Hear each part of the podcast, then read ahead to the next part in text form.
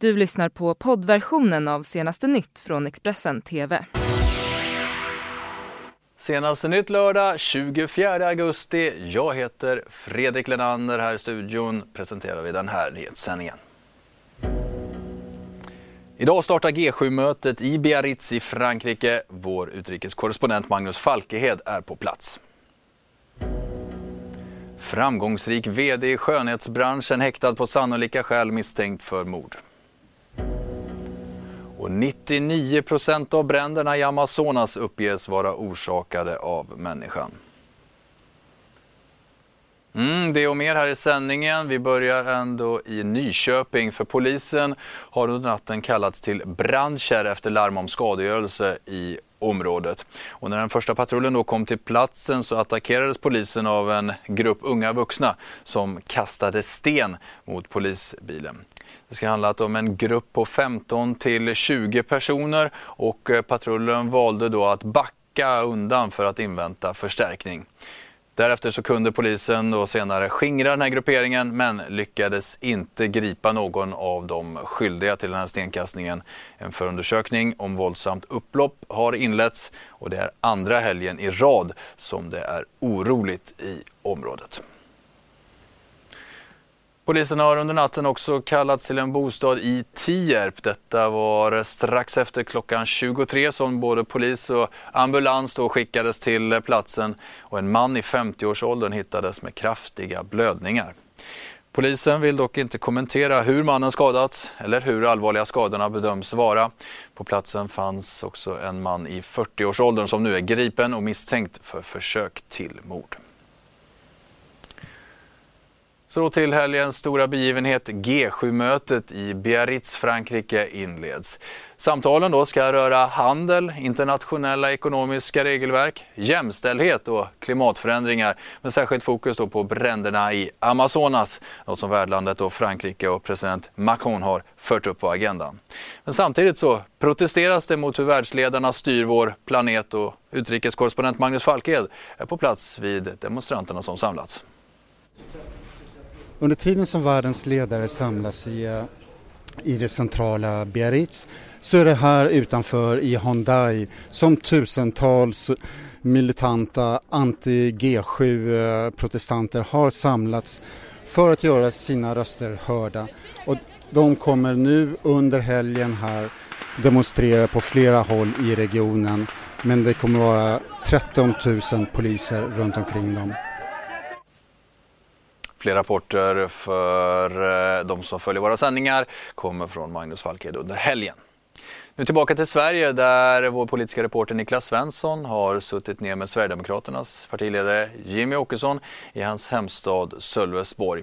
Flera ämnen behandlades, bland annat så kritiserar då Åkesson utrikesminister Margot Wallström för att hon inte tog Irans utrikesminister i hand. Jag tycker alltid det är, det är svåra avväganden att göra såklart. Det jag reagerade på var ju Ja, det var ju det som du själv noterade någonstans att hon inte tog i hand. Eh, jag tycker att när man, när man tar emot en, en kontroversiell person som till exempel någon företrädare för regimen i Iran. Man är utrikesminister. Eh, ja, då bör man på något sätt ändå på svensk mark åtminstone manifestera de värderingar vi lever efter här. Ehm, men Margot Wallström gjorde inte det utan hon, hon valde att inte ta eh, honom i hand. Hon borde ha tagit honom i hand? Definitivt. Och om han sen inte hade velat det då, då hade det någonstans ändå visat att vi står upp för våra värderingar och han står för en unken medeltida kvinnosyn. Under intervjun behandlades även Moderaternas hantering av Hanif Bali. Den kontroversiella Bali blev ju nyligen petad från sin uppdrag i arbetsmarknadsutskottet och EU-nämnden. Detta efter att ha twittrat syrligt om partikollegan Carl Bildt. Och I den här intervjun får också Åkesson frågan om Hanif Bali skulle vara välkommen till Sverigedemokraterna. Alltså, vi har ju en öppen medlemsintagning i vårt parti eh, som är praxis i svenska partier. Vi gör ingen förhandsbedömning på något sätt utan det är, alla är välkomna att söka medlemskap i vårt parti. Vad tycker du om Hanif Bali? Om den person som vi känner eh, offentligt? Hade jag varit Ulf Kristersson så hade jag inte varit så glad. Eh, Nu är jag ju inte det utan jag kan ju konstatera att han ofta har väldigt rätt i både den kritik han riktar mot regeringen men också den kritik han riktar internt. Det är uppenbart att Hanif Bali och en krets kring honom på olika sätt med, begränsad framgång hittills tyvärr då, men ändå försöker driva på för att få sitt parti i en annan riktning. Och det, det uppskattar jag. Eh, det tycker jag är bra. Men, eh, ja, nej, vi, vi, får väl se var det här landar någonstans. Står Hanif Bali närmare Sverigedemokraterna än vad den moderata partiledningen gör? Ja, döma av det han säger utåt så är det ju uppenbart att det gör han. Rent allmänt då, vad säger du om språket i sociala medier? Har det blivit råare och hårdare som du upplever det? Jag vet inte. Jag, har, jag tog bort Twitter redan för fem år sedan eh, och följer det väldigt sporadiskt idag. Eh, Facebook tog jag bort för två månader sedan ungefär. Mycket till följd av just detta att det är, det är inte trevligt i de miljöerna. Ehm, man blir väldigt tillgänglig som offentlig person och vem som helst, inte minst fredagkvällar, lördagkvällar, kan skriva precis vad som helst. Eh, och man tröttnar på det där till slut. Eh, sen förstår man ju också att språket mellan framförallt då tonåringar är väldigt grovt emellanåt och att många får väldigt illa. Så att det, eh, jag, jag, jag gillar inte den miljön och jag bävar inför den dagen som min son, han, är, han fyller sex i december så att han har väl ett, ett tag kvar då men jag hoppas att det här har rättat till sig till, tills dess. Vilket ansvar har du som partiledare för att se till att era anhängare använder ett rimligt språk i sociala medier? Alla offentliga personer som på något sätt deltar i debatten har ett ansvar för att uttrycka sig på ett vettigt sätt eller på ett balanserat sätt och på ett sätt som man kan stå för. Och jag försöker göra det.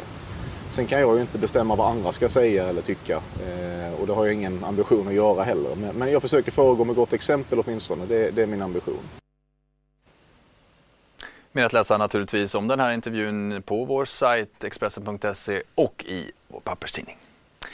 Nu till att det under gårdagen hölls häktningsförhandling i fallet med det misstänkta mordet i en lägenhet i centrala Stockholm i onsdags. Den framgångsrike VD som greps blodig på en gata i närheten såg frånvarande ut när den här förhandlingen i tingsrätten började. Han var kraftigt bandagerad på flera ställen på kroppen och nickade bara svagt till svars när han fick frågor från rättens ordförande Per Lennebrant. Han nekar till anklagelserna men häktades som misstänkt för mord.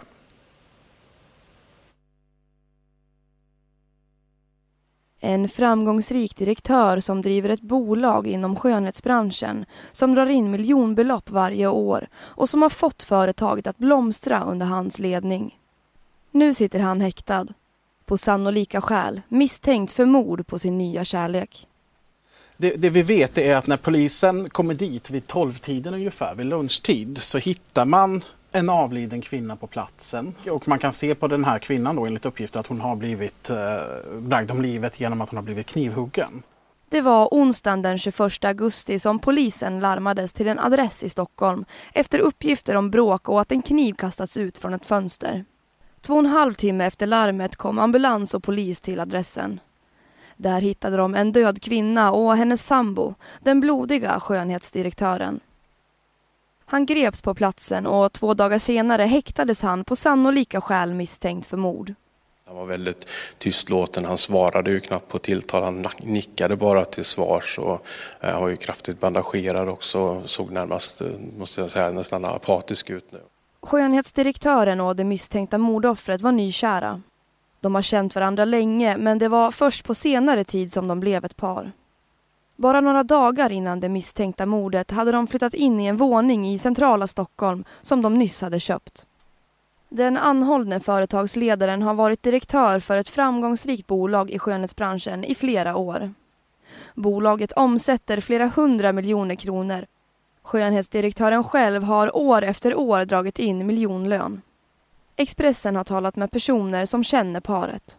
Ingen har sett några tendenser som kan förklara vad det är som har hänt här.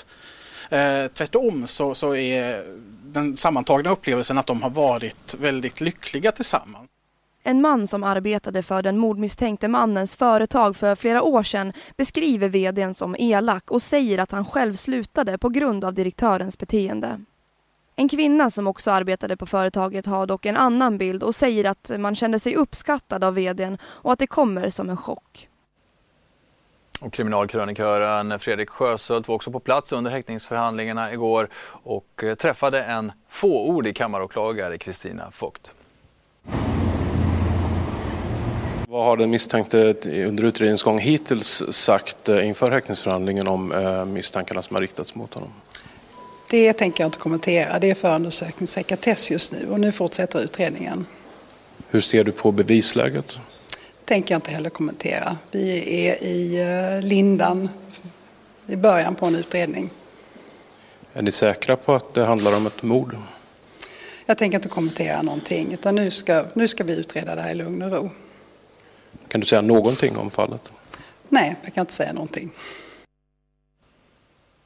Ja, nu till eh, Amazonas, de tusentals bränder som just nu rasar i regnskogarna. Och Eh, fler och fler klimatexperter uttalar sig nu om oron över hur den här skogen ska hantera bränderna.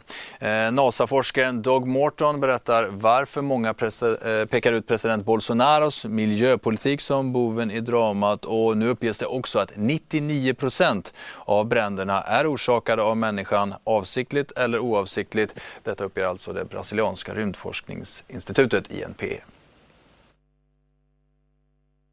The deforestation process in the Amazon frontier is a two part process. First, the trees are cut and allowed to dry. And when I'm talking about 21st century deforestation, I don't mean a family headed into the woods with a chainsaw. I mean tractors connected by large chains that are pulling trees out by their roots. What we see is the second part now, in terms of our observations from satellite data. We see those same piles of wood that were cleared several months ago being set afire. So those fires are now not burning the residues from a harvested crop field or the last remaining grasses in a pasture. They're burning an enormous bonfire of Amazon logs that have been piled drying in the sun for several months. So, this is really the second part of the story that began with our observations of an increase in deforestation. That deforestation only proceeds to someone being able to use those areas for agriculture if those areas are burned. Mm, NASA-forskaren Doug Morton där alltså om bränderna som kan ses ifrån rymden med satelliter.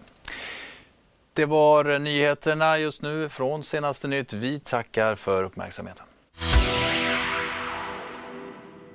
Du har lyssnat på poddversionen av Senaste Nytt från Expressen TV.